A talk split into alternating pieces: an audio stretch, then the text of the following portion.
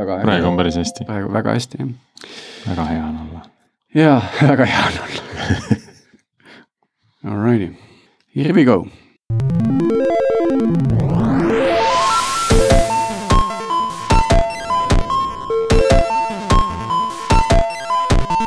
tere jälle, kuulad järjekordset saadet äh, Algorütme ja täna on meil üheksateistkümnes detsember ja mina olen Tiit Paanen Veriffist ja koos minuga on stuudios Sergei Anikin Pipedrive'ist ja Priit Liivak Nortalist, tere!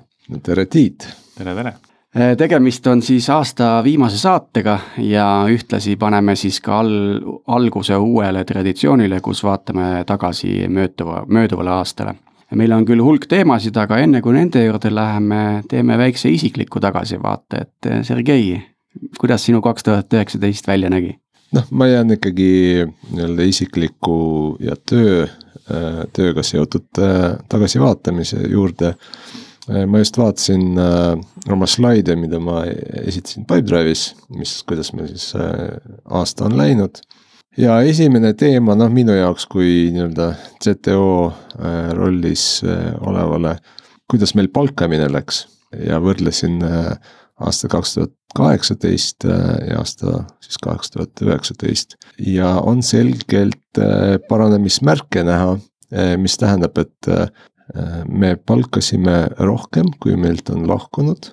kui täpsetest numbritest rääkida, siis äh, üle-eelmine aasta või eelmine aasta siis kaheksakümmend seitse uut ja nelikümmend lahkunud ja see aasta me palkasime üheksakümmend kaheksa ja kakskümmend üks on lahkunud, mis on päris märkimisväärne vahe ja see ühtlasi tähendab, et olukord Eesti riigis on natuke parem kui eelmine aasta. seda küll selle arvelt, et me toome ka hästi palju arendajaid väljaspoolt Eestit. oskad sa öelda seda jaotust, et kui palju tuli väljaspoolt ja kui palju palgati teistesse kontoritesse Pipedrive'is? ei oska, aga ma oskan sulle rääkida natuke huvitavast osakaalust. nimelt ma hakkasin ka vaatama palju meil nais versus mees arendajaid või noh, inseneere ja see protsent naisinseneere on olnud viisteist protsenti läbi siis kahe aasta, et ei ole väga muutunud, mis tähendab, et me oleme palkanud naisi samas tempos. aga see viisteist on juba väga hea ju ma olen vaadanud, mis on industry standard või noh, cross industry stack overflow on teinud küsitluse, hästi suure küsitluse. et seal see protsent oli seitse, on parem kui keskmine. midagi veel kahe tuhande üheksateistkümnendast, mis puudutab just rohkem tarkvaraarendust? jaa, ikka, et, et me oleme sel aastal teinud väikse auditi, kutsusime üks saksa firma, kes teeb hästi palju arendus- ja konsultatsioone ja ühtlasi ka due diligence erinevatele startup'i tehnoloogia osakondadele. Nemad siis teinud küsitluse, vaatasid kogu meie koodibaasi läbi ja siis andsid meile raporti ja raport ütles, et, et meie engineering on top notch ja. palju õnne. aitäh, et nende kommentaar oli see, et kui me oleks konkurendid, siis nemad kartsid, kardaksid meid väga õnneks me ei olnud konkurendid aga kui mõelda, et miks see nii on, et kuidas meil õnnestus nii-öelda või õnnestub jätkuvalt nii head olla.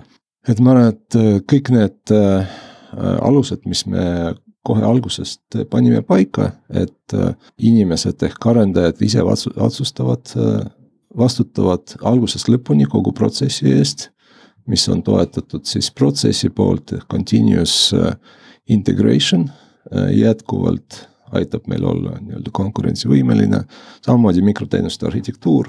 Ja me oleme lisaks sellele mõned uued protsessid, mis küll ei takista arendajaid olla vastutav oma koodi eest, aga paralleelselt toetavad nii-öelda meie organisatsiooni kvaliteeti sisse toonud, et üks on siis service reliability protsess, mis vaatab teenuste kvaliteeti ja teenuste reliability't laivis ja annab tagasisidet arendajatele, et nemad saaksid oma vastavad nii-öelda järeldused teha ja siis oma prioriteet, prioriteedid paika panna ja endiselt investeerime hästi palju nii testkeskkonda kui ka continuous integration protsessi parandamisse. Nii äh,, infrastruktuur jätkuvalt meil on hübriid, kasutame AWS-i ja äh, private cloud'i äh,. ja ma saan aru, et see on üldine trend, et neid äh, erinevaid äh, pilveteenuseid ühendatakse omavahel, et äh, et äh, ettevõtted saaksid kasutada vastavalt oma nii-öelda soovidele Google'i ja AWS-i ja Azure'i kõik koos, oskused äh, mängivad võib-olla suuremat rolli äh, isegi kui konkreetsed teenused või nende hinnad. Security on meil jätkuvalt teema. üks jällegi saavutus, mis me sellel aastal saime, on ISO security sertifikaadi saamine, sinna meil läks ikka kolm, kaks-kolm aastat. mis numbriga see tuleb? kakskümmend seitse tuhat. kakskümmend seitse tuhat üks. üks, just. Jah, kõik, kõik, kes on security'ga äh, tuttavad, ilmselt teavad, noh, see ei ole security, see on compliance, aga me võtsime sellise lähenemise, et, et läbi compliance'i me tegelikult äh, tagame seda, et me käsitleme kõiki teemasid, mis on security'ga seotud, sest compliance on nagu raamistik nende käsitlemiseks. Nii et Pipedrive on äh, läinud täpselt seda rada pidi, nagu selline Pipedrive'i laadne ettevõte peaks minema, et kõigepealt GDPR, siis SOC kaks ja siis ISO kaks, kakskümmend seitse tuhat üks. noh, SOC, SOC-i me saime enne GDPR, GDPR tegelikult ei olegi compliance'it. et sa võid küll trahvi saada, aga ei ole ühtegi nii-öelda standardi, äh, mis ütleks, et mm -hmm. nüüd sa oled GDPR compliant, et, et on, on nii-öelda määrused ja machine learning'u osas äh, meil on suur võit, me kuna alustasime võib-olla kaks või kolm aastat tagasi, kus me äh, ütlesime, et me ei palka inimesi kalli raha eest, kes juba oskavad teha, vaid me võtame maja seest või maja välja, majast väljast inimesi, kes tahaksid selle teemaga tegeleda ja laseme neil õppida ja nad õppisid siis kaks aastat. Äh, nüüd lõpuks meil Äh, production'isse on jõudnud äh, päris lahendused, mis aitavad kliente päriselt, ei ole küll väga suured, aga noh, see ongi eesmärk, et õppida ja vaadata, kuidas algusest lõpuni nagu seda machine learning ut rakendada. Läheme edasi, Priit, kuidas sinu kaks tuhat üheksateist äh, välja nägi? minul oli äärmiselt pöörane aasta, võib isegi öelda, sest kuidagi hästi palju ma olin sees ühes, ühes tiimis, mis, mis kasvas selle aastaga tänaseks siis kolmekümne üheksa liikmeni. ja see oli selline natukene mission impossible projekt ka, mis juba ühe korra oli, oli varasemalt teise partneri käe all ebaõnnestunud ja meie käe all siis nüüd, nüüdseks me oleme jõudnud kohta, kus me saame julgelt vastu rinda taguda ja öelda, et, et see on ikkagi õnnestunud seekord siis ja sellega minnakse kõvasti edasi. Seda nagu näha niivõrd lähedalt ja kõiki neid, neid väljakutseid lahendada, et kuidas, kuidas siis äh, monoliidi kõrvale hakata ehitama uut mikroteenuste põhjal asja, kuidas seda mikroteenuste asja panna nii-öelda hästi-hästi kiiresti püsti sellisel kujul, kus, kus iga nädal sul tuleb äh, teenus või paar juurde. et äh, kuidas neid teenuseid siis hoida võimalikult ühelaadsena, kuidas arendajaid nii-öelda pardale tuua, kes kes siis liituvad ka, võib-olla iga nädal tekib nagu uusi arendajaid ja ja nad peaksid just kõik nagu ühtemoodi töötama ja ühte, ühte sammu käima, eks ole. kui suur see tiim alguses oli, kui käima lükkasite, nüüd on kolmekümne üheksani kasvanud, aga. täna on kolmkümmend üheksa, see asi algas, äh, ma arvan, äkki selle aasta alguses olime me kuskil äh, kümne, kaheteistkümne inimese peal. et see on ikkagi päris, äh, päris suur kasv olnud ja täna ma tunnen ise ka, et see tiim töötab tegelikult suurepäraselt, et käisin kuu aega puhkusel ära ja mitte keegi ei tundnud minust puudust mul oli ainult hea meel selle üle. Selle käigus tegelikult on nagu meeletult saanud õppida, eks. see aasta läks ju käima Algorütm, et see on, see on ka selline isik, mina, minu arust isiklikust plaanis väga kihvt saavutus, et me selle asja käima panime. ja eks me, eks me peagi võtame kokku ka numbreid ja ilmselt räägime sellest järgmine aasta, et kuidas meil siis sellega läinud on, eks. äh, väga suur selline arengu ja õppimise aasta väga mitmel äh, rindel, väga kihvt on olnud omalt poolt võin ka öelda, et, et kindlasti üks kõige rohkem väljakutseid sisaldav aasta. kas, kas mitte kõik aastad ei ole sellised? jaa, kipuvad natuke olema, et, et sellist vahe, vaheaastat ei ole. aga, aga jah, Veriffis kasvatasime arendusmeeskonna, ütleme arendajate võtmes viielt inimeselt viiekümneni üheksa kuuga. selle hulgas oli siis ka see, et kui meil oli üks äh, väike tiim, siis nüüd meil on äh, üksteist tiimi ja selleks vajalik organisatsioon ja rollid, nendega seotud kõik see palkamine, see, kuidas palgata Eesti turult nii palju inimesi nii lühikese ajaga see nii-öelda FOMO loomine seal alguses, siis nende inimeste onboarding, äh, et nad muutuksid efektiivseks. et äh, keset aastat siis, kui meil oli juba veidi inimesi pardal, äh, saigi selgeks, et see arendaja produktiivsus on, on üks olulisemaid asju ja, ja nägime, et seal annab kohe ära teha kaks asja üks on see, et me teeme võimalikult palju automatiseerimist, mis puudutab CI ja CD-d ja DevOpsi funktsiooni tervikuna. et me oleme totaalselt äh, nii-öelda infra as a code ja, ja äh, kuigi täna run ime oma asju Amazonis, äh, siis me oleme ikkagi arendanud selle platvormi niimoodi, et, et me pikemas perspektiivis oleme cloud agnostic ja teine siis selline suur arendaja produktiivsust mõjutav äh, otsus oli see, et me hakkame kohe oma disainisüsteemi ehitama. ehk siis äh, see on see koht, kus äh, disainer ja arendaja saavad efektiivsemalt koostööd teha ja palju asju, mis eksisteerivad nii-öelda disaini artifaktidena, on ka olemas koodi näol mida siis front-end arendajad saavad eh, lihtsasti oma projektidesse library'na eh, sisse tõmmata. ja mis veel võib-olla kahe tuhande üheksateistkümnendast on isiklikus võtmes on samamoodi algoritm on lahe, see sunnib õppima ja ette valmistama ja ennast teemadega kurssi viima aga, aga olen ka ise järjest rohkem hakanud koodi näppima, vanu asju meelde tuletama, uusi asju õppima et äh, see on, on äh, see koht, kus isiklik rahulolu või, või rahuldus tekib, kui sa saad midagi ise ehitada. et äh, neid projekte jagub, mida ehitada, eelkõige siis, siis Põhjalale, mis on mu selline kõrval ja hobiprojekt, et et Põhjala on täiesti data driven ettevõte nii tootmise, müügi kui ka finantside jälgimise võtmes täna me siis vaatame, mis, mis toimus eelmine aasta, mis toimus mujal maailmas. just, mis toimus aastal kaks tuhat üheksateist ja mis võiks huvi pakkuda, et siin on suuremaid lõike ja väiksemaid, alustame sellise väiksema tükiga, äh, milleks on äh, Brave brauser. et äh, kui seda stuudios mainisin, siis sai selgeks, et ei olegi kõigil täpselt teada, mis asi see on, aga Brave brauser jõudis äh, oma esimese versioonini eh, kolmeteistkümnendal novembril. Eh, ja eh, mis on ka huvitav, miks ma selle teema just võtsin esimeseks, on see, et meil on näha, et on potentsiaalselt kliente, kes seavad Brave browser'i compatibility nagu olulisele kohale oma ärimudelis.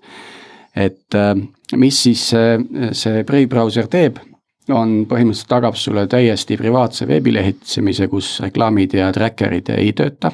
ta ise töötab Chromiumi peal ja milles siis, mis on see probleem, mida siis Brave brauser üritab lahendada, on see, et, et täna on tavalisi veebilehitsejaid kasutades noh, näiteks Facebook või Google põhimõtteliselt pööravad rahaks teie igapäevast tähelepanu ja seda läbi reklaamide ja tihtipeale Facebook ja Google korjavad ära selle reklaamitulu, mida tavaliselt sisutootjad senimaani ise on saanud. ehk siis need, kes sisu toodavad, need jäävad, nende rahakott läheb järjest õhukesemaks. ja Brave brauseri lubadus siis on see, et äh, sisutootjad saavad tagasi endale selle võimaluse äh, sellest reklaamitulust äh, osa saada ja äh, Brave browser'iga koos siis toimib selline kontseptsioon nagu basic attention token, mis töötab Ethereumi baasil, kus sa siis äh, Brave browser'i kasutajana veebi lehitsedes ja nende reklaame, nende poolt nii-öelda lubatud reklaame nähes sa teenid siis token eid. ja need token'id on sinu omad, äh, lubadus on et, et seitsekümmend protsenti reklaamitulust läheb tagasi reklaami vaatajale ja siis reklaami vaatajal on võimalus neid token eid kasutada äh, nii-öelda erinevate siis sisupakkujate content'i ostmiseks näiteks. ma tõmbasin selle alla ka endale kohe just nagu vaatamaks ja uudistamaks ja paistab, et need reklaami eest raha teenimine kahjuks ei ole meie regioonis täna võimalik et nad, nad seda vist veel siin ei paku, et, et mina saaks teenida reklaami vaatamise eest neid äh, token eid. jah, et võib-olla siin Eestis jah, täna äh, selleks lubaduseks jääb see, et, et sa oled äh, täiesti privaatne, väidetavalt, ega seda ju me ei kunagi tea, aga on oluline vahe väidetavalt Brave brauseri enda sõnul, kas sa paned käima nii-öelda incognito mode'is Chrome'i või teed private mode'is Safarit versus äh, kasutades äh, Brave brauserit. ma nüüd äh, natuke challenge'iks, et mina selle asemel, et tõmmata see Brave brauser, vaatasin, et mis on need kõige populaarsemad siis brauserid aastal kaks tuhat üheksateist. endiselt Chrome on esimesel kohal, viiskümmend viis koma neli protsenti. Safari on kaksteist koma viis, Internet Explorer ja Edge on kaheksa koma kuus Firefox kuus koma viis ja siis Opera on kaks koma kaheksa. kahjuks sinu reklaamitud Brave brauserit siin ei olnud. selle reliis üks punkt null oli vist äh, novembris ka alles, et äh, vaatame, mis saab järgmine aasta. just, et kas, kas jõuab listi või mitte? tänaseks on väidetavalt kaheksa pool miljonit kasutajat juba Brave brauseril üks huvitav asi, mida, mida Brave brauser teeb ja mida tegelikult paljud tooted on hakanud üha rohkem tegema. Kui ma nüüd avan uue tab'i Äh, kus ei ole siis midagi peal, eks ole, siis äh, Chrome näitab Google'i otsingut seal. Brave brauser näitab selle koha peal äh, numbrit, mitu reklaami on blokitud, mitu HTTPS-i upgrade'i on tehtud ja mitu sekundit on estimated time saved. selline nagu meetrika, et kui kasulik see toode minu jaoks on olnud, seda nagu selle nagu paljastamine tundub olevat mõningane trend, et mina vist kogesin seda esimest korda siis, kui tuli äh, J-Rebel äh, mitu-mitu aastat tagasi, kus ta iga startup hakkas näitama seda estimate'i, et mitu sekundit umbes säästetud on selle J-Rebeli kasutamise peale. mitte, et ma väga seda jälginud oleks, aga, aga sellegipoolest see kuidagi julgustas äh, mind mõtlema selle peale, et see on ikkagi kasulik toode, et, et mm -hmm. tasub edasi kasutada, eks. ehk siis siin võetakse arvesse just potentsiaalselt see, mida, mis kasutajat huvitab versus, et midagi lihtsalt paistab ilus välja. aga läheme edasi, Priit, äkki võtame arhitektuuri teemad äh, järgmiseks? Äh, aga miks mitte, arhitektuuris need asjad väga kiiresti ei liigu, eks ole, meil uusi, uusi reliise ei ole, selliseid suuri huvitavad asjad, mida ma enda, enda uurimise käigus äh, leidsin, oli see, et mikroteenused hakkavad äh, mitmeti küpsema, et enam ei räägita ka igal konverentsil mikroteenustest äh, söögi alla ja söögi peale, vaid räägitakse teistest teemadest, mis võib-olla on nendega selle, selle teemaga nii-öelda külgnevad. külastajad erinevatel konverentsidel mõneti natuke isegi põlgavad mikroteenuseid ja, ja on tulnud selline natukene uus liikumine, et, et monoliiti hakata hoopis tegema mm. -hmm et kuidagi tekib, on selline küps, küps suhtumine, et, et mikroteenused ei ole see hõbekuul, mis kõik mm. probleemid ära lahendavad. ja teatud äh, süsteemide puhul, teatud kontekstis võib olla monoliit hoopis lihtsam arendada ja hoopis lihtsam püsti panna, kui, kui seda kümmet teenust teha. et kui sul on haamer käes ja sa oled haameri usku ehk mikroteenuste usku, siis kõik ei ole naelad, mida sa pead, tähendab kõik, mida sa lööd, ei ole naelad, eks ju ma arvan, et see sõltub ikkagi sinu tiimi suurusest. et kui äh, sina äh, töötad äh, noh, koos, ma ei tea, kahe-kolme teise mehega.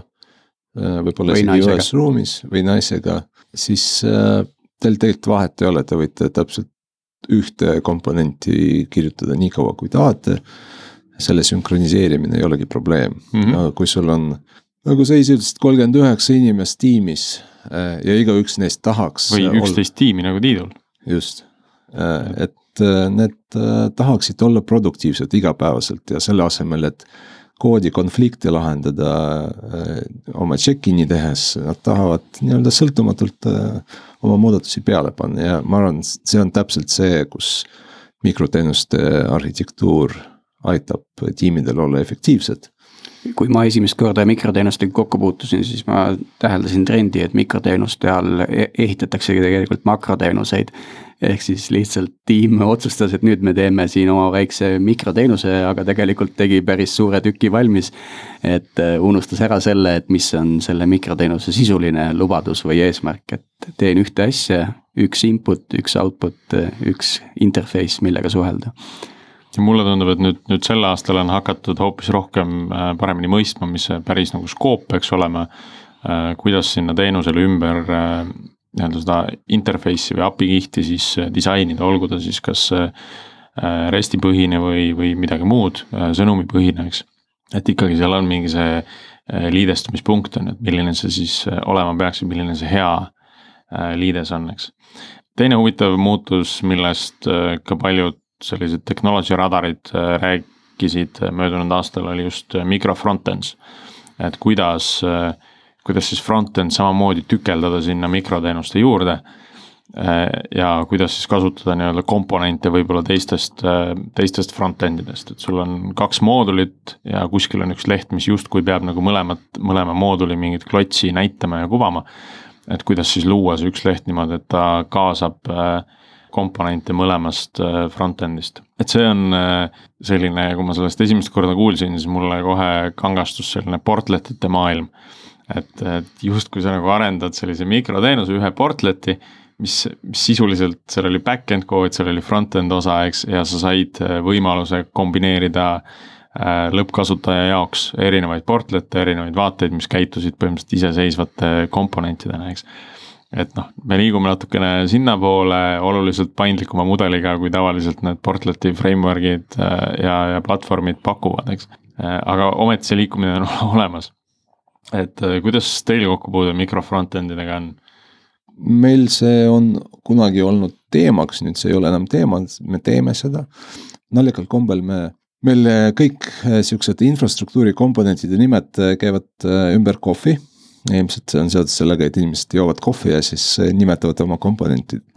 et äh, esimene komponent äh, nimega Barista äh, meil oli ehitatud äh, selliste teenuste äh, discovery ja route imise jaoks äh, data centrite vahel. ja Barista mõte oligi see, et, et äh, et ta ise valib, millist kohvi sulle nii-öelda jagada, ise teeb kohvi ja jagab äh, ja siis mingi hetk otsustasime, et meil on vaja täpselt samasuguse eesmärgiga just mikroteenuste komponentide serveerimiseks, et igal teenusel on oma äh, mikro front-end ja nüüd on vaja otsustada teatud ruut, äh, ruutide peale, et millist front-end'i me siis mm -hmm. serveerime. ja siis selle jaoks me tegime teise komponendi, mille nimi on Jura. et ta jagab mm -hmm. siis erinevate mikro front-end'ide komponendid request'ide äh, peale. noh, siin on, äh, siin on ka nüüd, ma arvan, natukene sellist settimist, et neid lahendusi sellel aastal on olnud erinevaid, et mismoodi neid mikro front-end'e teha, äh, kus seda koodi hoida, kas sellesama back-end koodi juures eraldi repona, üldse monorepona nagu, nagu Google seda teeb. et noh, neid, neid lahendusi on nagu, neid lahendusi on erinevaid ja, ja ma arvan, et see, see võtab veel aastake, et, et kuidagi jälle setiks see järgmine nii-öelda arusaamine välja, mitte kõige parem lahendus, aga just arusaamine, et millises olukorras millist äh, lähenemist siis äh, kasutada, et see on. Äh, ma arvan, mis keerulisemaks teeb just front-end'i komponentideks lahti löömine, on brauseri poolne cache imine, sest sa ju ei taha iga kord äh, serverist laadida komponendid. samas sa tahad reliisida need äh, sama tihti, sest see, sellesama mikrotee-, mikro front-end'ide tegemine on ju samal eesmärgil, et sul on palju front-end'i arendajaid ja nad ei taha merge'iga tegeleda, vaid tahavad oma komponente sõltumata üksteisest reliisida. mis tähendab, et sa pea, pead kogu aeg seda cache breaking ut kasutaja poole peal tegema mis teeb jällegi kogu asja ebaefektiivseks kasutaja jaoks, et eh, seal on omajagu challenge'id mm. -hmm. samas nüüd äh, brauserid liiguvad vist üha rohkem selles suunas, et äh,, et nad saaks teha rohkem äh, paralleelseid päringuid äh, ja sama, samaaegselt nii-öelda laadida erinevaid komponente kokku, et siis kasutaja jaoks tegelikult see kogemus oleks äh, parem ja kiirem, eks mm. -hmm. Et... kuidas sellesse nagu server-side rendering ja, ja HTTP2 suhestub? HTTP kahte minu meelest meie kasutasime juba aastal kaks tuhat kaheksateist või Mhm. seitseteist isegi. aga noh, eks äh, latency nii-öelda, et kui sul on kasutaja Austraalias ja data center on äh, Ameerikas äh,, siis äh, ikkagi sa ju tahad sinna CDN-i vahele saada. DNS mängi-, hakkab ka mängib, hakkab mängima suurt rolli. me vaatasime, et Austraalias äh, DNS päringud on tegelikult päris aeglased Mm. sõltub DNS provider'ist ehk kui sa tahad kiiret teenust mm. -hmm. üle kogu maailma, sa pead vaatama. kas sul on kõige kiirem DNS-i provider, kas äh, sinu CDN-i provider on tegelikult kiire ka nendes regioonides, kus sinu kasutajad on. sest äh, kui võrrelda näiteks äh, Akamai'd Cloud Flare'iga, siis Akamai on väga hea, sihuke established firma panustavad hästi palju security'le. aga nende presence äh, Aasias näiteks ei ole väga hea, Aasia riigid äh, Akamai CDN-i puhul saavad oluliselt aeglasemalt sinu content'i. kas me, kas me saame, ma praegu sind kuulan ja mõtlen, et äh, kas me saame ka öelda, et, et kaks tuhat üheksateist on olnud järjekordne aasta, kus äh, kõik on muutunud veelgi globaalsemaks ka Eesti mõttes. et kui me vaatame Eesti startup'e, et äh, siis nende globaalne, just nimelt globaalne kasv, mitte ainult Eesti, Eesti keskne tuntus on nagu kasvanud tohutult. ja selle tõttu nad peavad siis, tuleb mõelda ka selliste probleemide peale, et milline CDN provider ja ja DNS provider on nagu kõige kiiremad üle maailma, mitte ainult äh, meie jaoks siin. jaa, ma isegi ütleks, et mõnede teenuste puhul tuleb äh, jutule ka oma DNS serveri kirjutamine.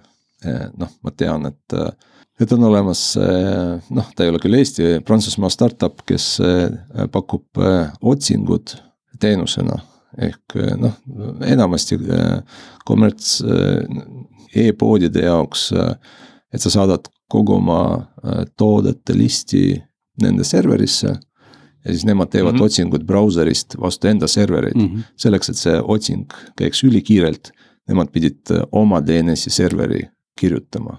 väga, väga huvitav. huvitav, mida nad optimeerisid seal siis täpselt no ikkagi DNS look-up'ide kiirust mm. mm? -hmm. et puhtalt seda algoritmi seal sees kõhus ja, ja teine huvitav ähm,, see see natuke haakub äh, minu jaoks serverless'i teemaga, et kui meil oli see serverless'i saade, siis me rääkisime sellest, et äh, et üks selle eeliseid on just nimelt see, et, et sa saad äh, sisse võtta teenusena selliseid asju nagu näiteks äh, otsing või autentimine või, või kasutajate haldus ka tervenisti, eks. mis tähendab, et äh, neid linke väliste süsteemide, väliste teenustega tuleb järjest ja järjest juurde. et sellised optimeeritud lahendused muutuvad seetõttu siis ka järjest-järjest olulisemaks, eks, et sa ei, sa ei ela ainult oma väikeses konnatiigis, vaid sa sõltud hoopis hoopis paljudest osapooltest. noh, tegelikult äh, nagu äh, meil, meie data tiimi juht Tarmo on öelnud, sul on vaja compute äh, power'it, sul on vaja data storage'it ja sul on vaja siis äh, presentation layer'it. ja kui sa suudad need kolm lahti äh, lammutada oma arhitektuuris, siis äh, noh, sul on palju vabamad käed, et äh, data jaoks sa kasutad oma abstraktsiooniteenuseid ja oma nii-öelda tööriistu compute'i jaoks äh, äh, kasutad kas serverless'i või spot instance eid või ma ei tea, Kubernetes äh, klastrit ja, siis noh, UI on vastavalt selle vajadustele, et see võib olla ka mingisugune valmis tööriist. näiteks andmeanalüüsiks või raportite kirjutamiseks või siis Reactive Framework või, või äh, mingisugused machine learning'u äh, algoritmid. et tegelikult kõik need, kõik need kihid on muutunud järjest selliseks komplekssemaks minu vaatest, et äh, ma, ma ei tea, kas see nüüd on olnud just nimelt möödunud aasta ilming, pigem on see möödunud aastate ilming olnud, et et ka näiteks äh, data puhul sa, sa lihtsalt ei hoia oma andmeid ühes andmebaasis enam, vaid äh, sul on selle nii-öelda data platvorm pigem, kus sul taga on võib-olla mitu andmebaasi, analüütika on sinna peale ehitatud seal on hoopis, hoopis enam nagu sellist loogikat kapseldatud nii-öelda terve, tervesse sellesse kihti, eks ole. mis on kogu ülejäänud rakenduse loogikast või sellest processing power'ist nii-öelda äh, tegelikult eraldatud ka. lisaks äh, nii-öelda staatilistele andmetele on uut liiki andmeid, äh, millega peab arvestama, et data stream'id ehk event'id, noh, Kafka tuleb siin meelde, mõned kasutavad ka Rabbitit või mõned muu queue-süsteemi, aga noh, sul nii-öelda tekib data in transit ja nende andmete puhul noh, sa tegelikult eh, kunagi ei tea, kus ta on ja kelle poolt ta on nii-öelda tekitatud. sina pead suutma selle ära töödelda. kindlasti suurte süsteemide puhul ka data, mida süsteemid ise genereerivad monitooringu või alertingu jaoks või logid, et need omavad ka hästi olulist eh, nii-öelda mõju ja ka mitte ainult nagu monitooringu süsteemi kvaliteedi puhul, vaid ka security puhul. et enamik intsidente, sisemist intsidente tekib sellest, et sinna logidesse lekivad andmed, mida ei tohiks mitte kuskile salvestatud olla tulles nüüd mõned korrused madalamale ja, ja arendajale lähemale, kes võib-olla ei ole ise äh, väga keerukates arhitektuurilistes keskkondades toimetanud. Äh, väike nõuanne, et äh, ütleme, et ma olen back-end'is mingi väikse teenuse teinud, mis suhtleb baasiga otse. mis hetkel ma peaks hakkama mõtlema selle peale, et, et sinna mingisugune kiht vahele ehitada? Küsimus on see, et, et kui kriitiline sinu jaoks on see, et see andmebaas äh, alati kättesaadav on.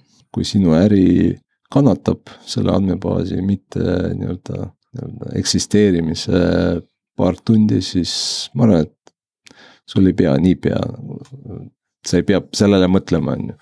Mhm.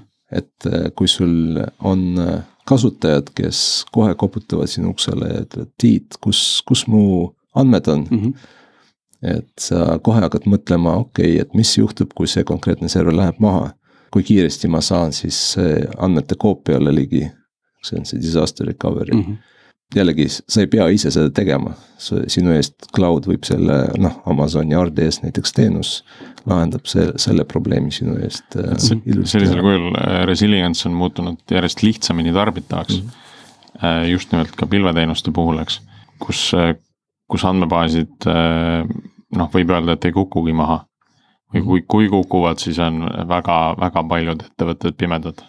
nii, aga nüüd oletame, et sa korjad andmeid, mis, mille struktuuri sa tegelikult ei tea mm. -hmm. ja sa korjad neid äh, hästi palju andmeid. ehk nad ei mahugi ühte andmebaasi mm. -hmm. ja sa ei tea struktuuri, nad ei mahu andmebaasi, mis sa teed, sa ei oska midagi teha kasuta Amazoni S3-e, see on äh, üks kõige paremaid äh, teenuseid nii-öelda failide salvestamiseks. ja siis tekib küsimus, okei okay,, mul on need failid, mis ma teen siis nendega, kuidas ma neid protsessin. selleks on äh, Apache Spark projekt olemas, äh, mille abil sa saad need äh, erinevates struktuurides failid töödelda ja vastavalt sellele, kui palju sul tegelikult päringuid, töötlemise päringuid olemas, sa saad skaleerida seda oma Spargi klastrit kas ülesse või alla, kas käsitsi või automaatselt. Äh, ja, ja sealt sa saad juba teatud andmestruktuurides äh, need andmed kätte, sa saad isegi neid SQL-i tabeliteks keerata ja hiljem SQL-i või mingi JDBC, JDBC driver'i kaudu pärida. aga, aga sama asi veidi operatiivsemas keskkonnas, et kas mina back-end arendajana äh, saan kasutada midagi, et ma lihtsalt kirjutan nii-öelda endale internal API, mida, mille käest ma asju küsin ja siis selle taustal toimub see andmebaasi loomine ja update automaagiliselt. muidugi, ei, see on äh, näiteks äh, ka relatsiooniliste andmebaaside puhul ju väga tihti on kirjutatud sellist lihtsat feature'it nagu andmete partitsioneerimine täiesti käsitsi. ehk siis kuigi suured baasid pakuvad seda feature'ina siis näiteks Oracle'i puhul see on äh, kalli litsentsi taga. Äh, kui klient on leidnud, et ei, me seda ikka ei taha, et me oleme valmis investeerima mingisuguse summa. et arendajad ise selle asja valmis kirjutavad mingil kujul, mis ei pruugi olla täpselt samal kvaliteedi tasemel, aga ta töötab üks saade me rääkisime veel sellest, et äh, kas tasub osta või siis ise kirjutada, eks jõudsime, et noh, et see on alati sihuke fine line. aga selle S3 juurde tagasi tulles, mulle õudselt mulle õudselt meeldib ka see teenus ja huvitav vestlus, mis mul sel aastal on olnud just nimelt S3-e teemadel, on olnud siis sisuga, et äkki peaks kasutama S3-e ka enda isiklike andmete salvestamiseks. et Amazonil on S3 Glacier mm, -hmm. mis siis on just nii-öelda pikaajalise storage'i jaoks, sa lükkad oma andmed sinna ära, nad tagavad selle, et need andmed kuskile ära ei kao ja sa ei saa neid andmeid küll nagu on call kätte. Aga sa saad. andmete kättesaamine maksab eraldi. ei, mitte isegi, ja sa maksad natukene, aga ma arvan, see, see suurem kulu on seal, et kui sa tahad selle andmeid kätte saada, et noh, nad tulevad sinuni kahe-kolme päevaga mm. -hmm. et sa ei saa neid nagu kohe kätte, nii nagu sa tahad aga kui ma salvestan enda isiklikke pilte või videosid äh, nii-öelda back-up'ina sinna S3 Glacieri, äh, ma tean, et nad on turvalises kohas, siis noh, kui mul mingisugune lokaalne ketas ära põleb siis kaks-kolm päeva oodata ei, ei ole nagu mingi probleem.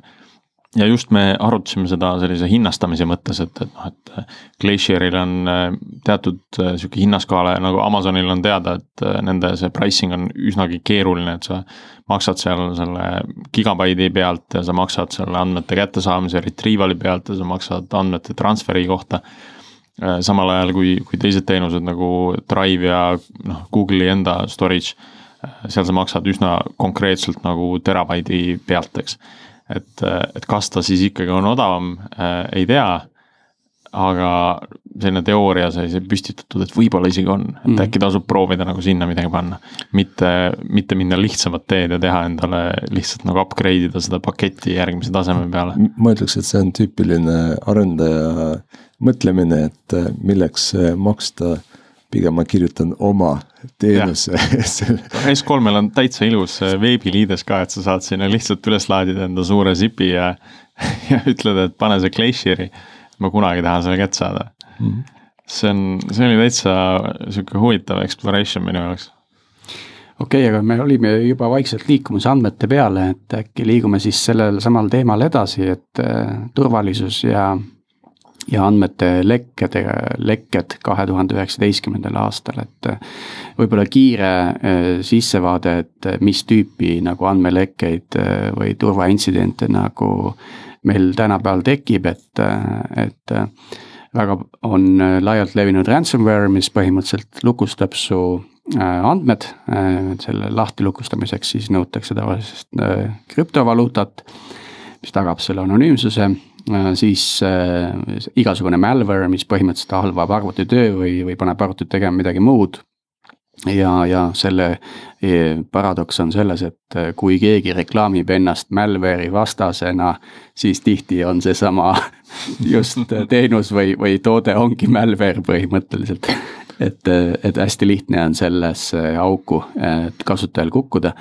siis loomulikult phishing, kus siis keegi maskeerib ennast nagu lega-, legit teenusena või tarkvarana ja, ja saab siis äh, läbi kasutaja äh, tegevuse kasutaja andmed kätte.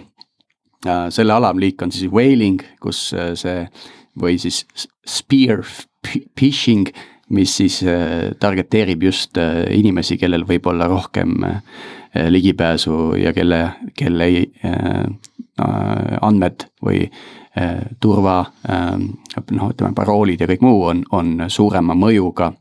Äh, et äh, seda on päris palju tehtud siin ka käesoleval aastal. ja loomulikult... Eestis on väga mitmeid lugusid selle kohta olnud, kus ettevõtted on kaotanud suuri summasid läbi selle, et et nad pole olnud tähelepanelikud arvete osas, mida nad ära maksavad.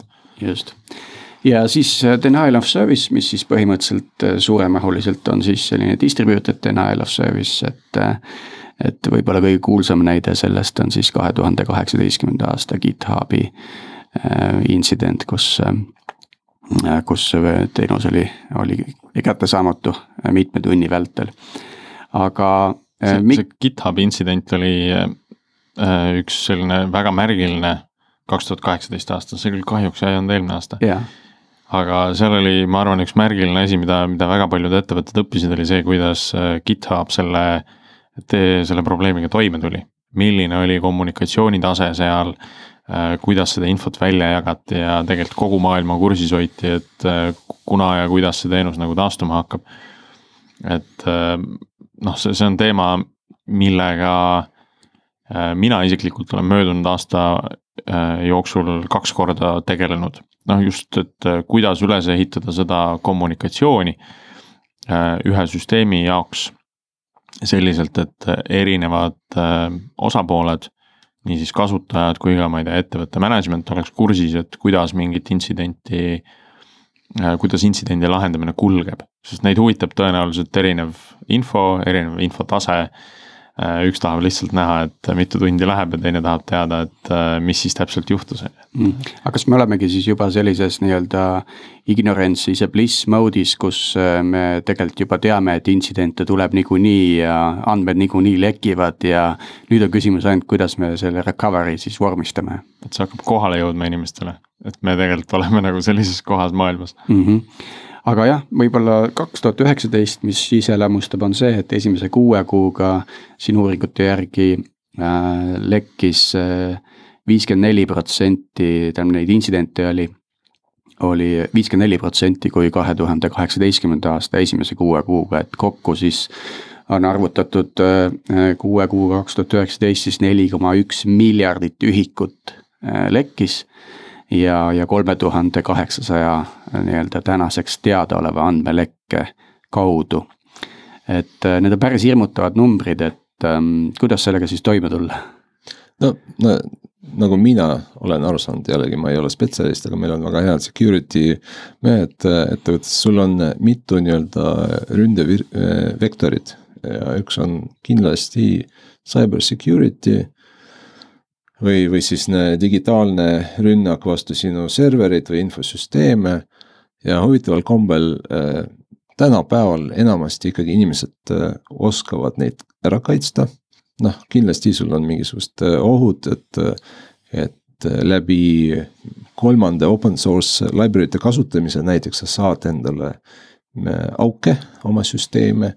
selleks on äh, tänapäeval skännerid olemas, kes äh, hoiatavad sind, et selles versioonis sellest library'st sul on auk, ära palun seda kasuta, upgrade'i, äh, mis iganes.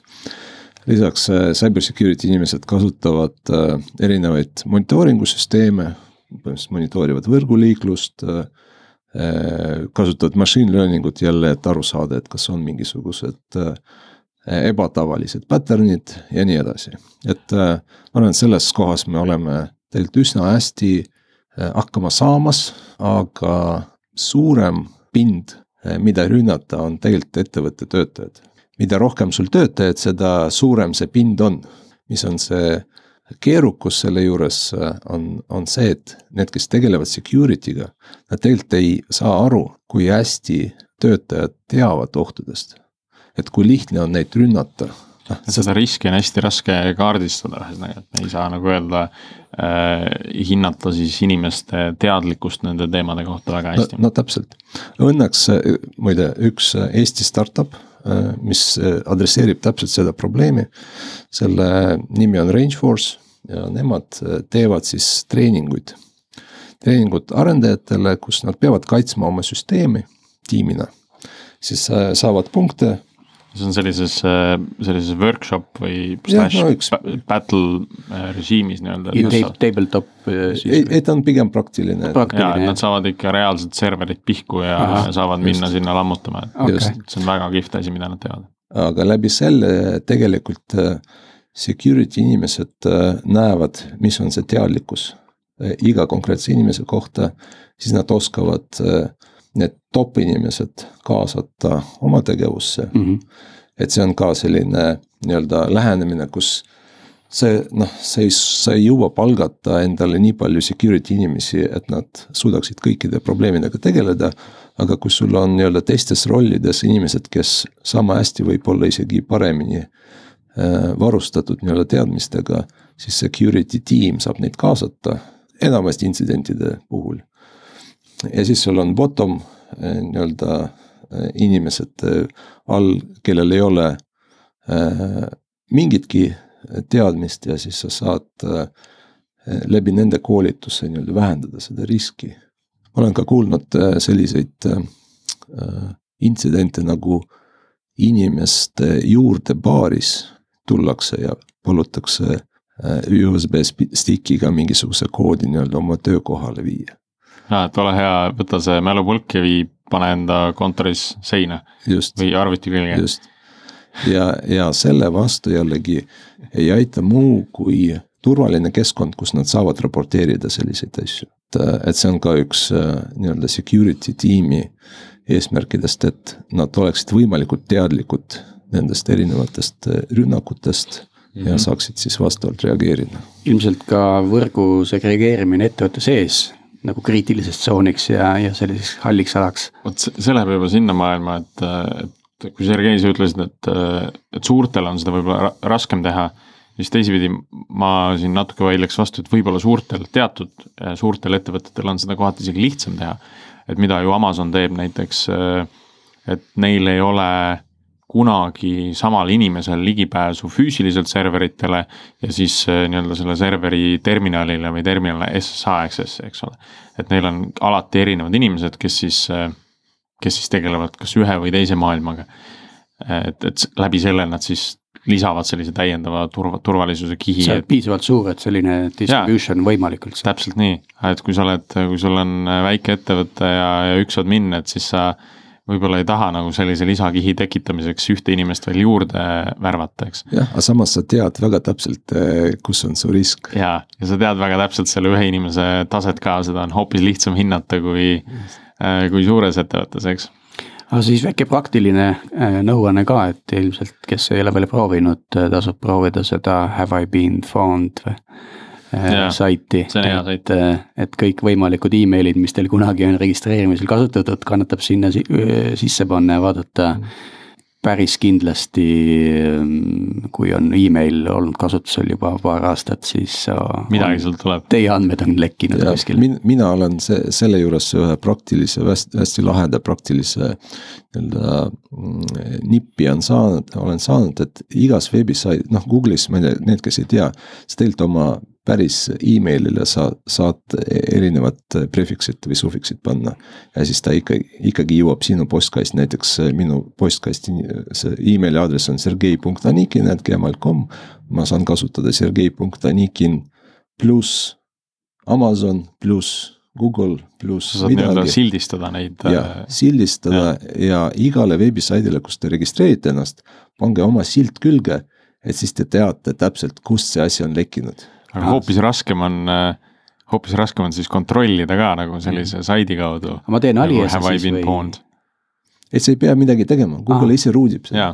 väga lahe. et sa saad justkui nagu label'i külge panna ja kui sulle saadetakse, siis sa tead, et see tuli sealt, sealt aadressilt. jah, enamasti erinevate spämmide puhul sa nagu tead, et mis veebisait lekitas sinu mm -hmm. emaili. aga ma tulen korra tagasi selle dependency check'i juurde, sest äh, mul tuli meelde, et äh, et kas mitte kaks tuhat üheksateist ei olnud ka see aasta, kus GitHub ise hakkas saatma välja neid äh, security hoiatusi äh, just nimelt sõltuvuste kohta. et äh, sinu repos on kasutusel mingisugune dependency, millel on siis nagu teadaolev mingisugune auk või haavatavus. et noh, see feature nagu tekkis juba sellisesse väga avatud teenusesse, et OWASP-i dependency check vist oli ennem olemas, aga nüüd kindlasti see aasta on seda hoopis rohkem äh, sisse võetud enda nii-öelda CI pipeline'ide külge pandud, et see dependency'd analüüsiks. GitHub äh, ilmselt ei saatnud seda privaatrepode puhul, sest privaatrepod on ikkagi maksul äh,. jaa, täitsa, täitsa võimalik, seda, seda ma isegi ei tea, aga open source repode puhul on, on täiesti olemas see. ja tasu, noh, GitHub jällegi muutis oma hinnastamise, et enne neil oli äh, privaatrepode arvu pealt äh, hinnastamine ja nüüd äh, seed-based ehk äh, kasutajate põhine. ja need security feature'id on ikkagi kõige kallimas mm. paketis mm. -hmm.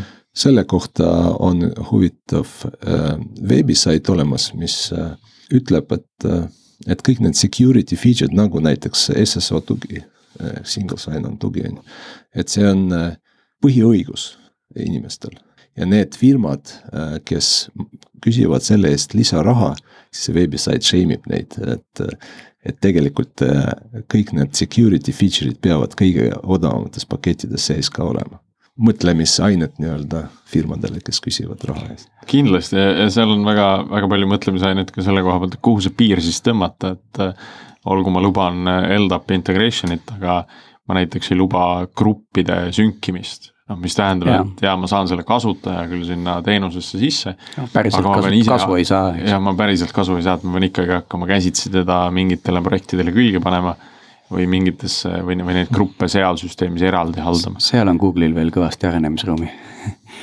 aga SSO wall of shame mõni sõna veel nendest dependency test ja vulnerability test, et, et SNÜK on üks tool idest, mis on laialdalt kasutusel, et on teil isiklikke kogemusi, kokkupuuteid? SNÜK-i me oleme kasutanud, aga SNÜK jällegi tõstis oma hinnad ja me pidime nende, nende kasutamisest loobuma kahjuks, sest see hind tundus natuke üle mõistuse mm. -hmm. ühesõnaga nende hinna policy teie repo struktuuriga ei läinud hästi kokku? Need teenused tihti üritavad ka nii-öelda lisaväärtust luua. Nad ei tee ainult sellist nagu security vulnerability scan'i Äh, mida tegelikult see OWASP-i dependency check äh, teeb täiesti tasuta. aga nad lisavad sinna juurde selle otsa näiteks, et sa saad ka litsentside kohta teatud yeah. politseid paika panna ja ja tagada seda, et sul ei ole konfliktseid litsentse kuskil koodibaasis näiteks. see on üks hea teema, open source äh, litsentsid, kõik need äh, ettevõtted, mis kasutavad äh, open source library'd äh, ja pakuvad siis tasulist teenust, äh, peavad kindlasti jälgima, mis litsentsi nad kasutavad, sest osad litsentsid nõuavad omakorda kogu koodi open source imist või avalikuks tegemise. või ei luba näiteks kommertsettevõtetes mm -hmm. kasutamist.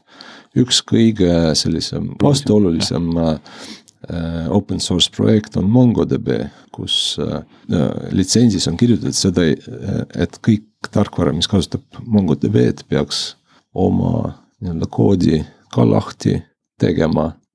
Samas väga paljud, ma tean, kasutavad kommertsrakendust. aga see, see on siis juhtudel tõenäoliselt, kus sa Mongo embedd'id enda koodi sisse kuidagi. niimoodi, et sa paned rakenduse käima, tuleb Mongo ka püsti, eks kui sa teda eraldi kasutad, äh, siis sa tarbid justkui Mongo teenust üle mingisuguse interface'i. just, just, aga, okay. aga, aga kui sa loed litsentsi, siis sul võtab ikka mitu äh, äh juristi et, et selleni jõuda, eks. et selleni jõuda teeme selle kohta eraldi saate, see on piisavalt põnev teema ja, ja tegelikult kõigile esimesel hetkel kohe vajalik aru saada. ma arvan, et me võiks lasta lausa meie saate kuulajatele hääletada kuskil kommentaarides selle kohta, et kas, kas open source litsentsid äh, võiks olla täiesti eraldi teema mm. -hmm. tahaks selle kohta kuulda, et mis, mis seal all huvitavat, äh, huvitavaid aspekte veel on, millest kindlasti rääkima peaks okei okay,, aga nüüd, kui meil siin maailm jaguneb noh, paljudesse sektoritesse või segmentidesse, siis äh, tarkvaraarendajate jaoks on, on, äh, on tihti see jagunemine viimasel ajal just on mobiil või veeb, eks ju. et äh, kui me nüüd mobiiliarenduste juurde lähme ja vaatame, mis seal native maailmas toimub, siis mis võib välja tuua kahe tuhande üheksateistkümnenda aasta kohta? minu jaoks üks, üks suur muutus on olnud PWA või siis Progressive Web Applications'i suurem äh, jõulisem tulek äh, turule, et, et nüüd sellest ma kuulsin juba, juba mõned aastad tagasi, aga, aga kui veel kaks tuhat kaheksateist brauserite poolne tugi sellele oli sihuke nigelavõitu, siis nüüd kaks tuhat üheksateist on, on hoopis äh, laialdasem brauserite poolne tugi. ja mis siis on tegelikult Progressive Web Application, on, annab siis sulle võimaluse enda äh, veebisait, äh, salvestada telefonis äh, sinnasamma ekraani peale justkui application'it.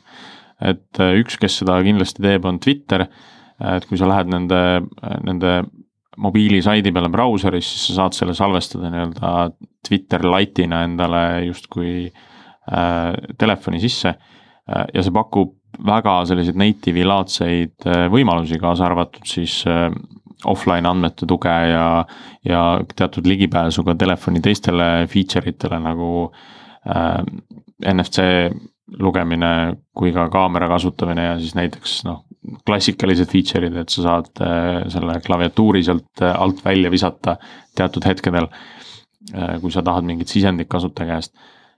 tegelikult selle väärtus seisneb selles, et sa arendad justkui oma saidi ühe korra veebi jaoks ja äh, lisad sinna juurde selle võimekuse, et sellesama veebisaidi saab salvestada justkui rakendusena maha. ilma, et sul oleks vaja nagu native arenduse tuge kuidas see erineb nagu ütleme, rakenduse, mobiilirakenduse sisesest nagu content'i laadimisest, ütleme kasutades WebView'd? Ma ei ole nüüd nii tuttav jälle yeah., et mina nagu, mina ise ei ole sellisel viisil ühtegi, ühtegi rakendust, sisulist rakendust kirjutanud. et ühe sellise väikse demo ma olen läbi proovinud, aga, aga mitte palju rohkem seda demo ma proovisin ka peamiselt selle tõttu, et, et turul on palju teisi pakkujaid, kes reklaamivad ennast selliselt, et sa saad kirjutada Javas enda rakenduse ja, ja see port itakse sulle nii mhm. Androidi kui iPhone'i peale, eks, et sa justkui, see töötab igal pool ühtemoodi. või kirjutad React Native'is ja. jaa, just, et sa kirjutadki mingis äh, sellises levinuma, levinuma STK peale, mitte et sa ei, sa ei pea kasutama ka äh, ka sa ei pea teadma midagi Androidi ega, ega iPhone'i peale arendamisest.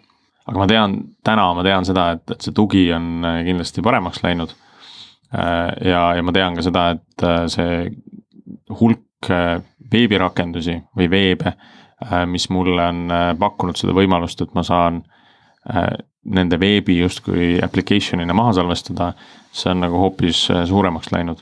ja minu jaoks see suur väärtus seisneb just nendes saitides, mida ma võib-olla nii palju ei, ei kasuta Äh, näiteks erinevad äh, piletiostusaidid. Äh, mingid kampaaniad, mingid ürituste jaa, just nimelt, mingid ja. festivalide, festivalide rakendused, konverentsi rakendused.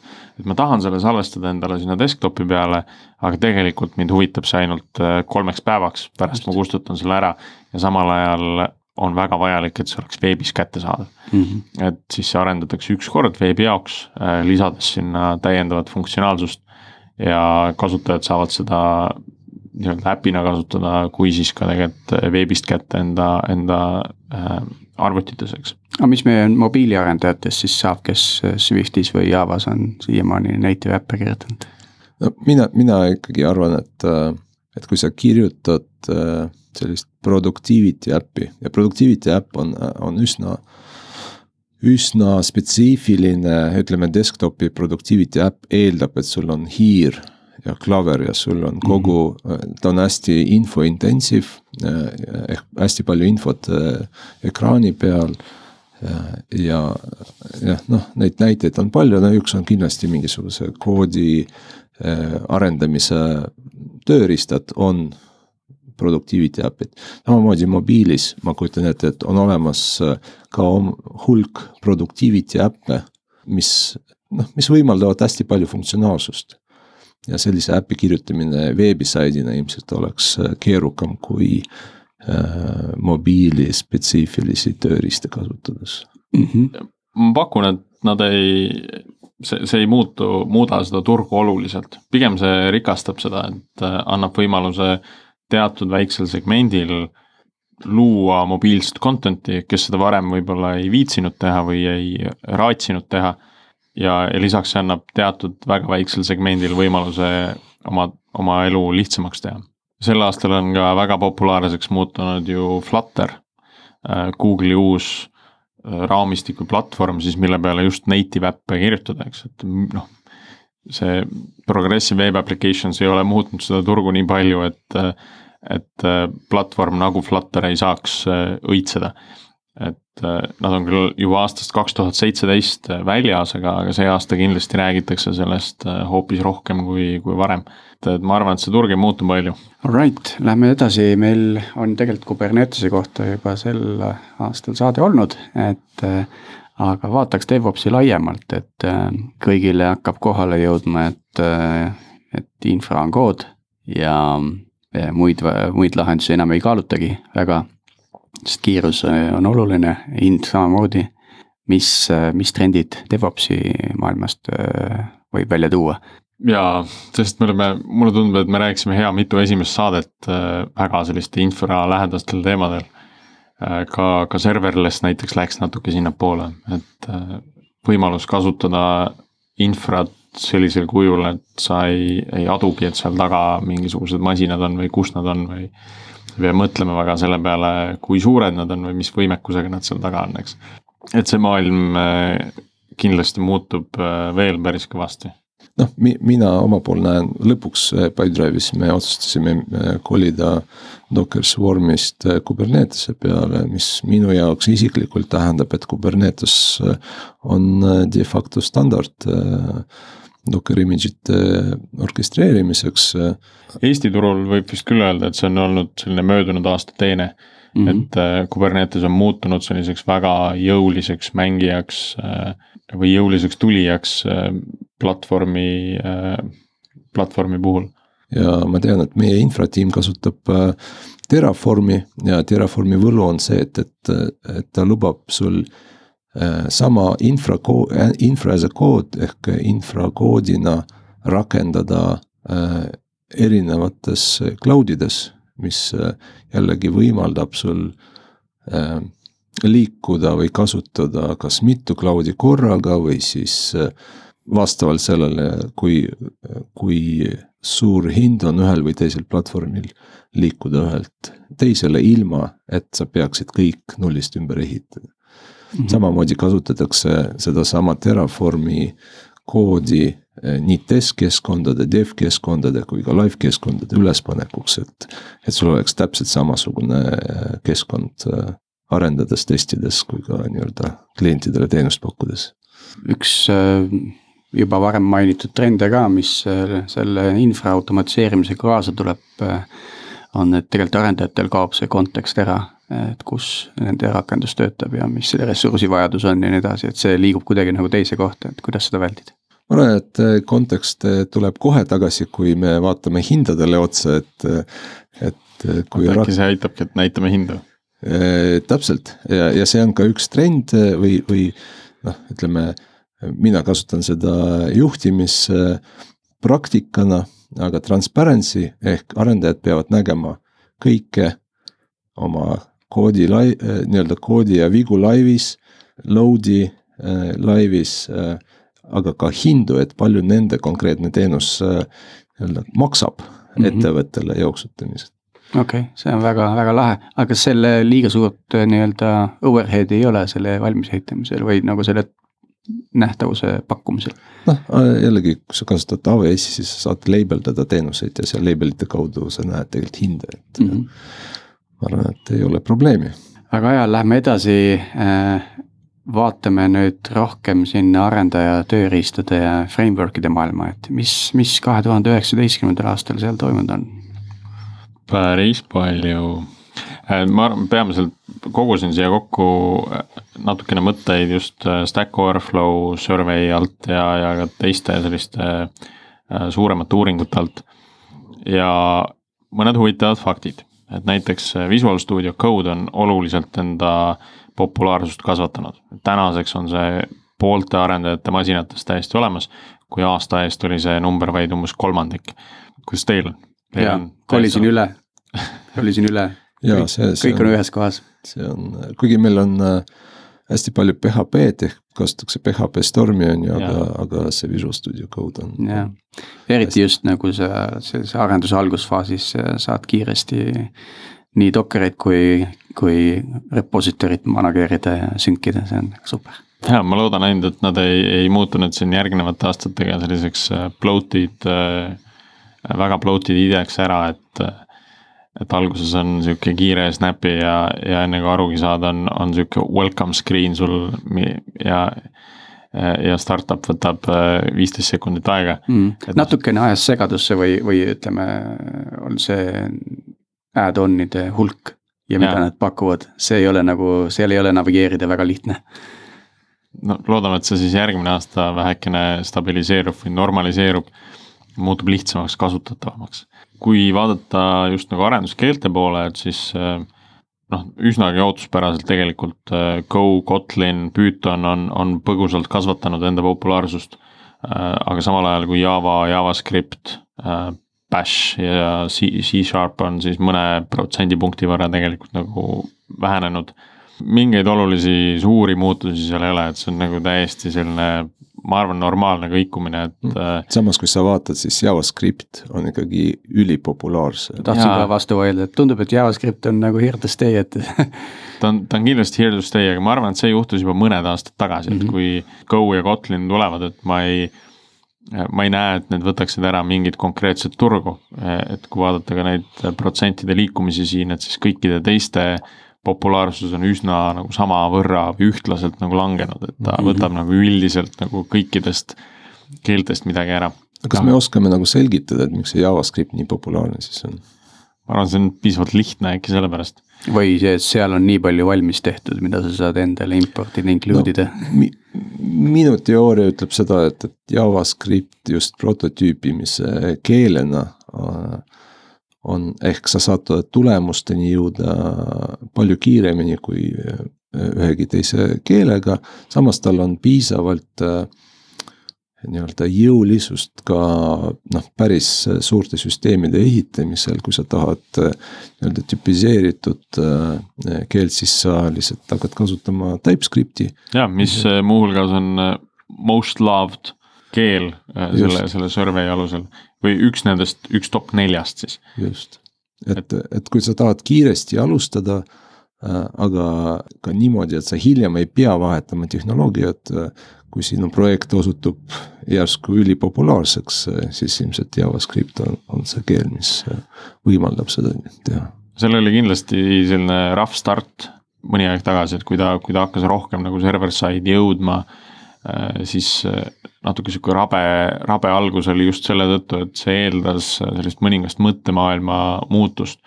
Äh, just nagu sellise funktsionaalse arenduse suunale, mida, mida väga palju veel ei olnud sisse tulnud, et nüüd, nüüd on seda üha rohkem ja räägitakse nagu äh, ainult selle, ainult siis nagu funktsionaalse arenduse väärtustest ja, ja sellest plussidest, et inimesed pigem tahaks seda teha.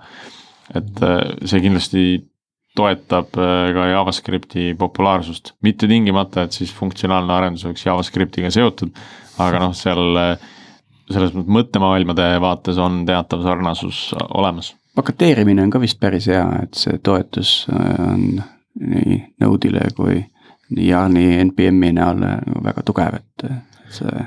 NPM jah, selline hästi-hästi tugev ökosüsteem, et kui Javas on see Maven nii-öelda algusaegadel nii-öelda on olnud hästi populaarne, siis ja, nüüd vist NPM, NPM tegelikult äh, võistleb äh, ka Java maailmas, äh, nagu ma aru saan. et sinna saab ka Java pakke laadida? Hmm. mõtlema panev, aga NPM ma ise ei tea, kui palju seal on paremaks läinud see elu, et keegi laeb üles mingi paki ja, ja siis ähm, tegelikult seda kasutatakse miljonite äh, arendajate poolt, ilma et nad päriselt nagu teaksid ja sisse vaataksid sinna, et mida see kood siis teeb. et mulle tundub, et see, et sellele hakatakse rohkem tähelepanu pöörama äh,, on üha rohkem tulnud neid igasuguseid äh, säutse ja postitusi selle kohta, et ma tegin sellise bootstrap initial äpi ja ja minu rakenduses on juba neliteist miljonit rida koodi, millest ma mitte midagi ei tea, eks et aga noh, et et sellele pööratakse üha rohkem tähelepanu, aga, aga sellele head lahendust vist endiselt veel ei ole. et see on natuke sihuke raske probleem, mida lahendada. ma arvan, et seda saab lahendada arendajate teadlikkuse tõstmisega, et, et sa ei pea tegelikult iga probleemi lahendamiseks mingisugust NPM paki. no see on lihtsalt sarnane nagu security puhul ka, et, et see teadlikkuse kasv on, on igal pool ikkagi äärmiselt oluline, et me ei saa lihtsalt pimesi võtta ja kasutada mingeid asju. mis, mis toob meid natuke tagasi sinna DevOps maailma, et noh, et kas me siis nagu, me liigume seal justkui veidi eemale sellest, et arendajad äh, lõpuni seda infrat haldavad, et äh, mingi kiht on sinna juba vahele tekkinud selle jutu peale ma hakkasin otsima, et what's the most useless NP, NPS, NPM package ja siis ongi selline package nagu useless. see, see ei tee mitte midagi, see on no operation. Äh, jaa. Ma nüüd üritan aru saada, mida ta teeb. Me rääkisime enne natukene ka andmebaasidest, et võib-olla võtan selle teema vahele, kuni sa selle NPM-i läbi loed, useless'i dokumentatsiooni läbi loed me rääkisime sellest, et äh, me rääkisime Mongo litsentsist, eks, ja mm, -hmm. ja MongoDB on äh, huvitaval kombel selles Stack Overflow survey's nii äh, most loved kui most readed tabelis. ja et ta on seal täiesti olemas ja samas ma tean, et selle kasutus ei ole väga populaarne, et pigem sihitakse teiste dokumendipõhiste andmebaaside poole. Seda kasutatakse hästi palju selliste proof concept'ide tegemisel, sellise MVP püstipanemisel. aga samal ajal räägitakse ka sellest, et selle äh, nii-öelda production readiness'i saavutamine on, on keeruline. et äh, oluliselt ohutum on võtta mõni teine andmebaas sinna alla ja ometi ta on seal tabelis, et ta ei ole kuskile kadunud, ta mingi aeg ilmus välja, kui dokumendipõhised baasid hakkasid populaarsust koguma ja ta on sinna jäänud. Huvitav, täitsa huvitav on näha, kuhu see siis minema hakkab. et kas ta läheb ülesmäge nagu JavaScript või hakkab ühel hetkel kaduma äh, nagu mõni teine tehnoloogia, mida me tänaseks isegi enam ei mäleta. aga muudest äh, baasidest äh, enim armastatud äh, baasideks on siis Redis, Postgre ja Elasticsearch listitud täiesti ootuspäraselt, siin ei ole nagu mitte midagi üllatavat minu jaoks. samas kõige kasutatavam on endiselt äh, MySQL mm. -hmm. jah, täitsa, see on ka täitsa usutav äh, ja Postgre ja Elasticsearch äh, on ka enim ihaldatud andmebaaside nimistus.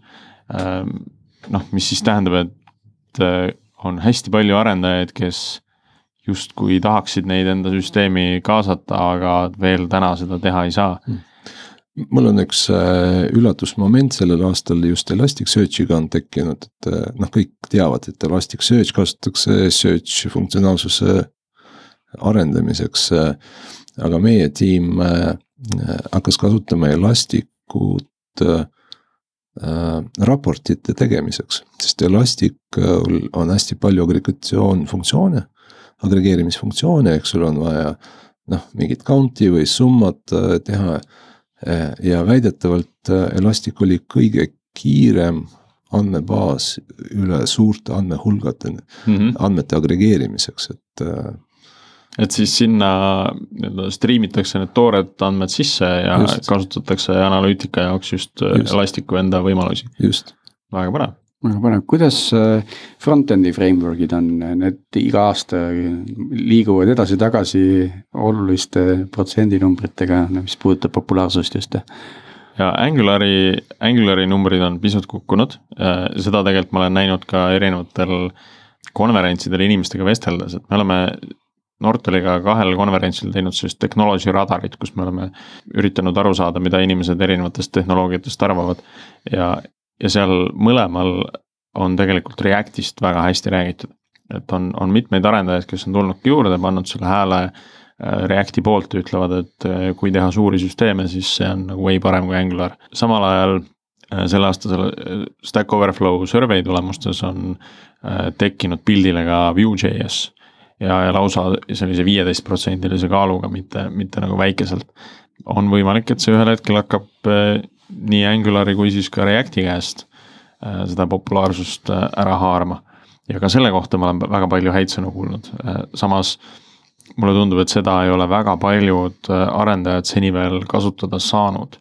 natukene meenutab see seda pilti, mis, mis oli võib-olla mõne aasta eest Reactiga, et seda ihaldati, taheti proovida, aga kellelgi ei olnud veel päris sellist nagu head kogemust või ei, ei olnud seda julgust või võimalust seda kogemust ammutada ka. et natukene Vue'ga samamoodi. kas sa useless JS-i eesmärgist said aru või see on nii useless, et sellest ei saa mitte keegi aru? see on nii useless jah, et äh, selle kohta mul on hea mõtetera, et äh, kui sinu programmis või sinu koodis ei ole ühtegi viga äh,, see tundub täiesti mõttetu koodina et ta ei paku väärtust ka. Et sa ei võtnud ühtegi riski. Just täpselt. Ja väga hea, aga äh, hakkame vaikselt lõpupoole liikuma, et äh, äh, vaataks veel otsa natukene uuele trendile, mida toob just masinõppe rakendamine äh, toodangusüsteemides, et ähm, Priit, kuidas radaril äh, masinõppe teemad kajastuvad? no see, see, mida seal konverentsidel, mis seal välja paistis tegelikult peab ütlema, et väga palju neid äh, masinõppe teemasid äh, isegi sinna radarile ei pandud.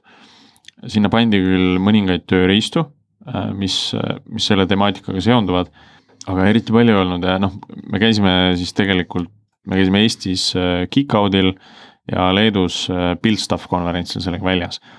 et oli näha, et need inimesed tegelikult seal, kes osalejad olid mõnevõrra erineva fookusega, aga peamiselt ikkagi Java keskne ja Java kesksed arendajad siis, et võib-olla see on see põhjus, et, et kui on Java konverents, et see ei, see ei tõmbanud nii-öelda masinõppe inimesi piisavalt ligi, et kes oleks osanud sinna panustada.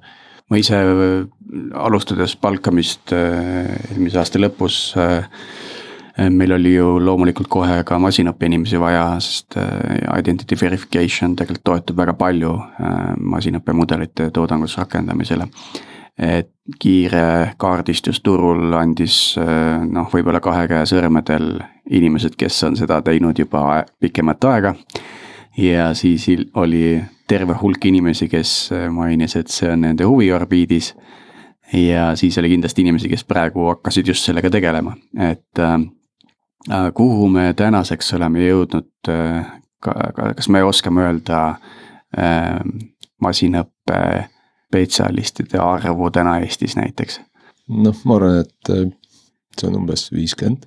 võtame need suured kokku ja arvame, et seal on umbes viis inimest ja kümmekond tuleb kokku ja siis on viiskümmend inimest ja aga, aga ütleme, et, et see on osaliselt ka selle valdkonna keerukuse tõttu, sest äh, väga lihtne noh, proovida teha neid äh, näiteid või laboreid, on ju, aga, aga kui läheb rakendamiseks päris, päris elus, siis seal sa põrkad ikkagi eh, oluliselt keerukamate probleemidega, alustades sellest, et data scientist tahavad ju andmetega tööd teha, aga kes valmistab need andmed neile, sest, sest nemad ise ei oska ju neid kuskil toodangusüsteemidest välja kaevata, mis on need relevantsed andmed, neil on ikkagi vaja üsna kindlas formaadis need andmed, et. et sealt edasi hakata mudelit ehitama. kas see on äh, umbes, umbes samas seisus nagu äh, äh, kui me võtame mõne aeg, mõni aeg tagasi sinna arendustiimide operations, et operations küll tahtis väga head monitooringut teha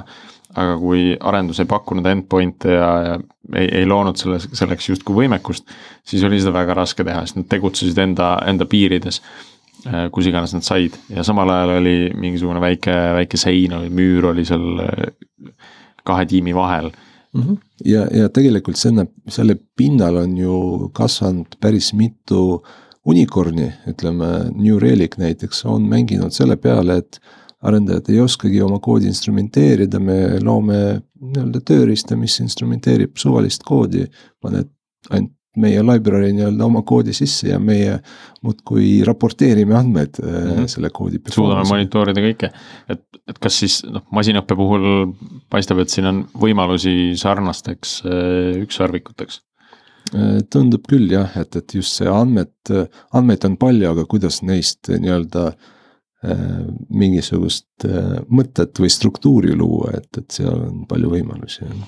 üks äh, selline oma kogemusest lähtuv tähelepanek on see, et ütleme, et sul on see data scientist on tööl ja ta tegeleb isegi, et ta on andmed kätte saanud, mille pealt mudeleid treenida. ja siis ta saab millegagi valmis, aga selle, mis ta valmis saab, ja selle vahel, mis toodangus päriselt hakkama saab, on tegelikult päris palju vaja veel lisatööd teha, et see õieti paketeerida, et teha resilient'iks. et nagu tema nii-öelda ellujäämine kindlustada selles toodangukeskkonnas ja siis äh, palju mõelnud selle peale, et kuidas ma nüüd tarkvarainseneri ja selle data scientist'i nagu kokku paaritan, et neil mõlemal oleks nagu lahe koos tööd teha, et data science'i osa on alguses justkui mudeli arendamisel suurem, eks ju. ja siis lõpus, kui see tuleb toodangusse viia, siis on nagu tarkvaraarendaja äh, roll suurem, aga kuidas neid mõlemaid hoida nagu selles engaged selles tsüklis? see on noh, sellest edasi on probleem, kuidas sa aru saad, kas ta töötab õigesti või mitte ja kui ta ei tööta õigesti, miks ta ei tööta. et et sa eeldad ühte tulemust ja tuleb hoopis teine ja sinu jaoks kui arendaja äh, see andmemudel või see äh, nii-öelda mudel, mida data scientist on äh, teinud, on must kast, sa ei oska sellega mitte midagi teha. ta lihtsalt annab sulle vastuseid ja vastused ei ole ootusepärased, et kuidas mm -hmm. sa mhm. debug'id seda mm. -hmm. sellega on, sellega on just möödunud aastal väga palju nagu tegeletud ja, ja väga paljudes nii-öelda uuringutes ja radarites käis see teema läbi, et kuidas neid musti, musti kaste just läbipaistvamaks teha ja tegelikult on tulnud ka erinevaid äh, tööriistu just sellise ähm, sellise testimise suunalisi natukene, mis siis annavad võimaluse seda musta kasti teatud viisil äh, torkida, et siis tekiks parem arusaamine sellest äh,, selle sisust, et kus need piirid on, millal ta teeb ühte või millal ta teeb teist, teistpidist otsust äh,.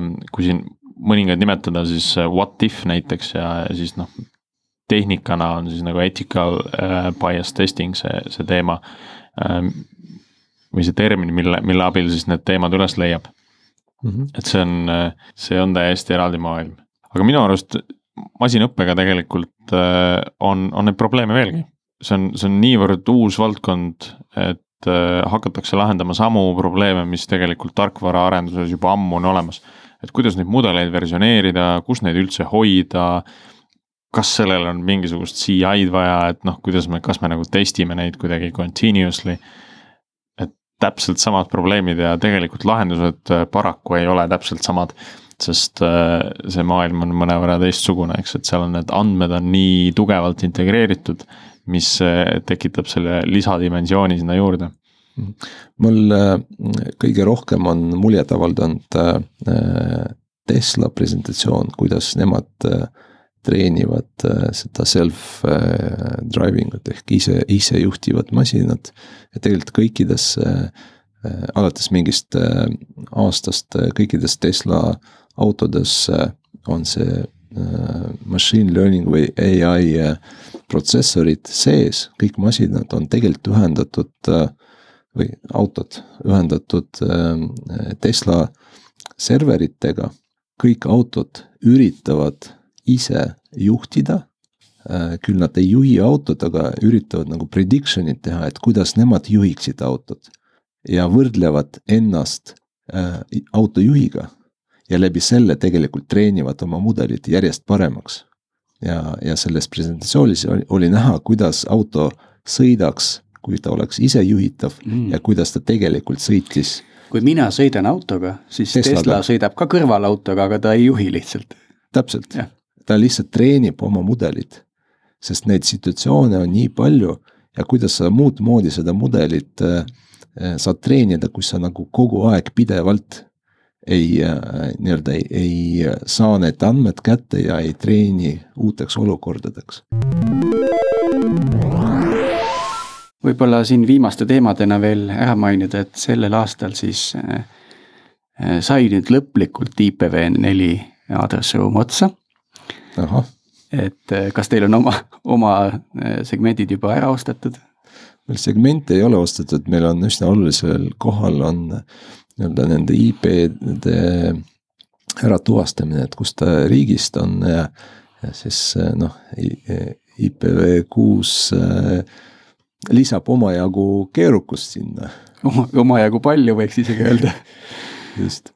Nüüd jah, praegu sellel aastal siis top tuhandest veebisaidist ainult kakskümmend kuus protsenti toetavad IPv6-e. Äh, ja samamoodi on tegelikult probleem ISP-de tasemel, et äh, Teliat ma testisin, selleks on hea tool test IPv6.com, test kriips IPv6.com Äh, seal saad siis äh, konkreetse ISP sees äh, testida, et kas on toetus lõpuni välja arendatud. et, et teemat on hoitud üleval juba no niipea, kui see IPv6 tuli, sest. ja millal ta tuli? no kakskümmend aastat tagasi või rohkem, eks ju. põhimõtteliselt küll jah, et detsember tuhat üheksasada üheksakümmend kaheksa oli see aasta, mil oli siis plaanitud see, et äh, IPv6 tegelikult asendabki IPv4 ära mm. -hmm. ja nüüd on, äh, nüüd me oleme kakskümmend aastat hiljem ja mitte midagi pole juhtunud mm. -hmm. tundub, et kedagi see probleem ei huvita sest kõik töötab endiselt edasi ja aga see, see mingil hetkel siiski hakkab huvitama, kui, kui neid device'e äh, juurde tuleb internetti, et äh, milles on siis probleem, on see, et äh, tegelikult tuleb läbi viia selline dual stack migratsioon ISP-del ja ka ettevõtetel, et mingi aeg tuleb toetada mõlemat oma võrgus, mõlemat protokolli.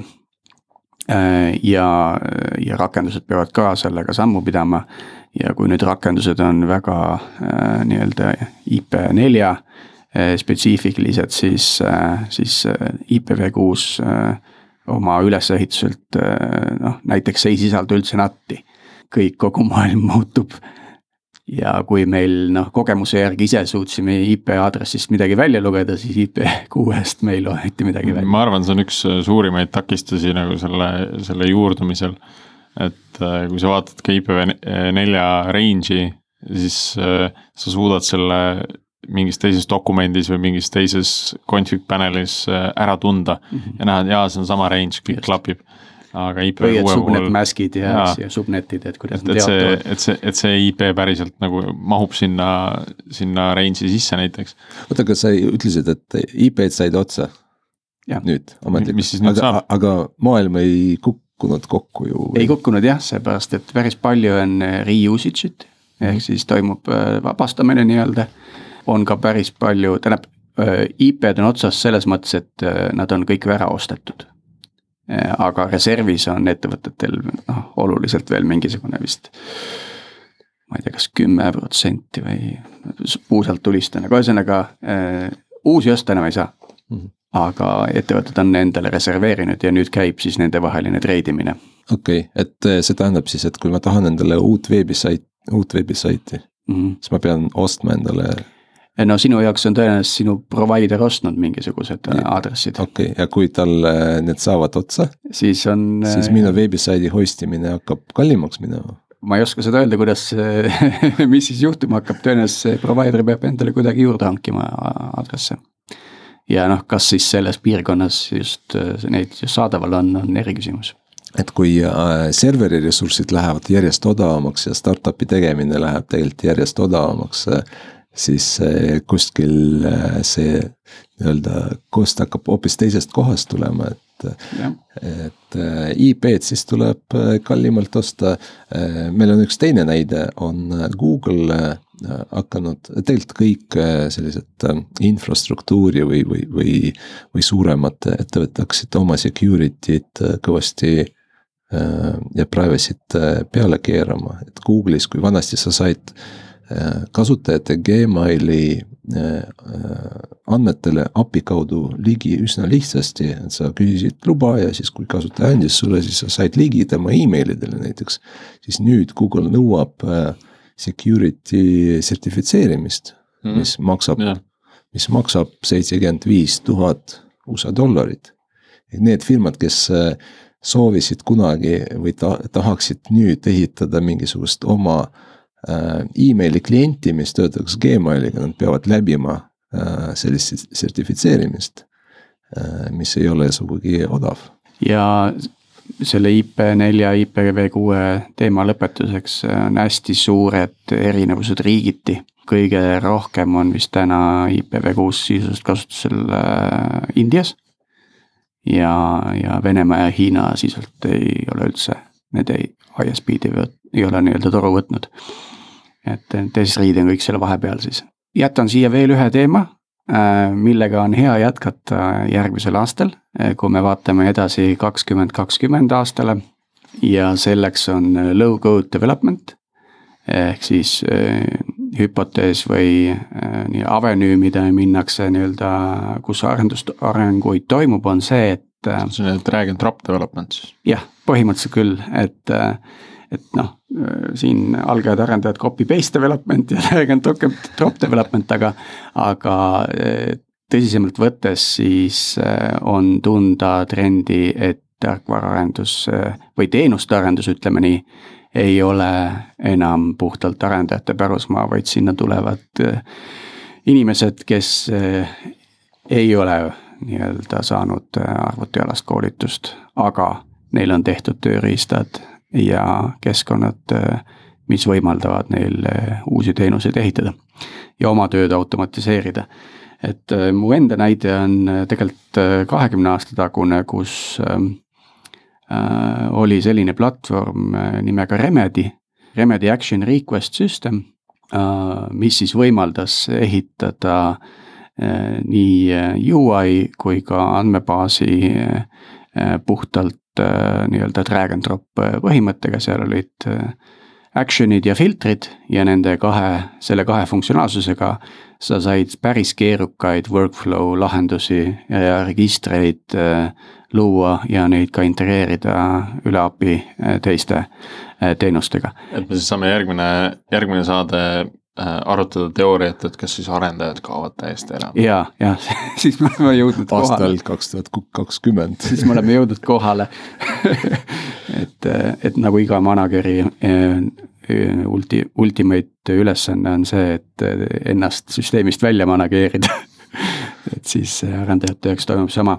arendajad programmeerivad ennast süsteemist välja. just, seda on ka juhtunud ja aga, aga aitäh kõigile kuulajatele, sellega lõpetame tänase saate ja e, ilusat aasta lõppu e, ja veel kenamat uue algust ja kohtumiseni juba järgmisel aastal. aitäh. kohtumiseni.